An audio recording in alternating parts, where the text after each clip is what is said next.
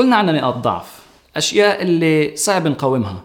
أشياء بتأثر على تصرفاتنا أو حتى على ردود فعلنا. مثلا نقطة ضعف البنات هي الشوكولاتة. مزعل مرتك حبيبتك صاحبتك اشتري لها علبة شوكولاتة وبتصلح الوضع. بعرف بعرف مش كل البنات نقطة ضعفهن الشوكولاتة. بس مثال. والشباب مثلا عندهن نقطة ضعف جدا قوية.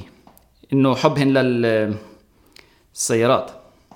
الشباب بحبوا السيارات كتير وصعب يقاوموا السيارات. وفي كمان بنات بحبوا السيارات. آه، المهم آه، هدول بس إشيين اللي هن نقاط ضعف. في أشياء تانية مثل الضغط الجماعي مثل الخوف آه، مثل إنه إحنا بدنا القبول من الآخرين وهي كلياتها بتأثر على تصرفاتنا. وعلى ردود فعلنا. مثلا لما أنا موجود بمجموعة معينة بتتصرف بطريقة غلط ومع إنها بتتصرف بطريقة غلط اللي هي أنا فاهم إنها غلط بس أنا بمشي معاهن لأنه أنا بدي أكون مقبول بدي أكون من هاي المجموعة.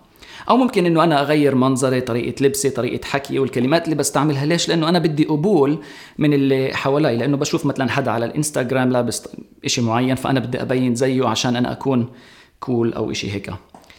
وكثير مرات حتى الخوف نسمح للخوف إنه ياثر على تصرفاتنا. مثل إنه إحنا بنخاف نقدم للجامعة لإنه بلكن رفضنا أو بنخاف نعمل امتحان لإنه بلكي سقطنا. وهذا الخوف ممكن يشلنا من إنه نعمل أشياء رائعة اللي الرب بده إيانا نعملها. لكن الجميل بالأمر إنه بغض النظر عن هاي نقاط الضعف الرب دائما بيعطينا الأشياء اللي إحنا بحاجة لها حتى نمشي وراه ونتبعه.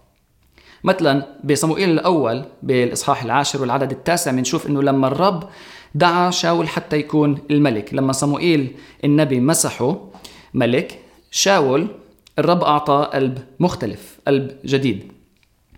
وبالإصحاح 13 العدد 14 إحنا بنشوف إنه الرب آه، قال عن إنه هو اختار ملك عن رجل بحسب قلبه.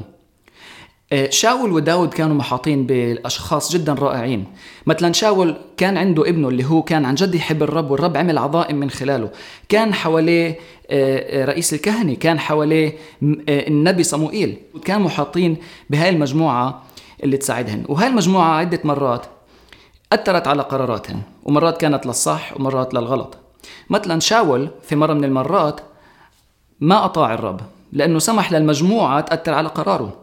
وهذا كان سبب رفض الله له كملك. ومش إنه داود كمان يعني كان ملاك لأنه بنشوف إنه بعدين في مسيرة حياته هو أخطأ خطية جدا كبيرة. اللي من بعدها كتب مزمور 51 اللي فيه بيقول قلبا نقيا أخلق فيا يا الله وروحا مستقيما جدد في داخلي. لأنه أدرك إنه مش كفاية إنه يكون عنده القلب اللي هو بس يعني يعني قلب بحسب قلب الله لكن دائما لازم يجدد فيه روح مستقيمة. وكتير مرات إحنا بدنا نعمل قرارات اللي إحنا لازم نميز إيش الصح وإيش الغلط ولازم نعمل القرارات الصح بغض النظر. آه، في حياتي أنا مرقت في مرحلة اللي فيها أنا ميزت إنه أنا موجود في مجموعة أصدقاء اللي عاد ما أنا بحبهن بس أنا أدركت إنه ما كانوش يتصرفوا صح. وأخذت خطوة صعبة كتير إنه أنا فصلت حالي عنهم وضليت بلا أصدقاء. لكن الرب عوضني بأشخاص تاني اللي بنوني نفسيا وروحيا كمان واستثمروا في حياتي. وهن جزء من سبب ليش أنا اليوم موجود في هذا المكان. هن حتى دعموا رؤيتي وخدمتي.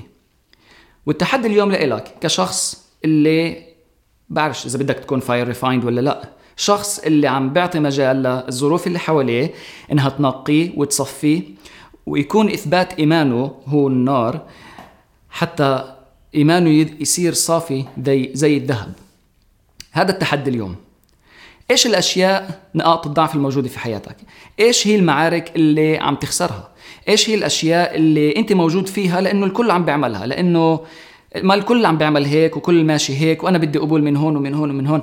إيش هاي الأشياء؟ أول إشي ميزها. تاني إشي جيبها قدام الرب وصلي. قول له يا رب قلبا نقيا أخلق فيا.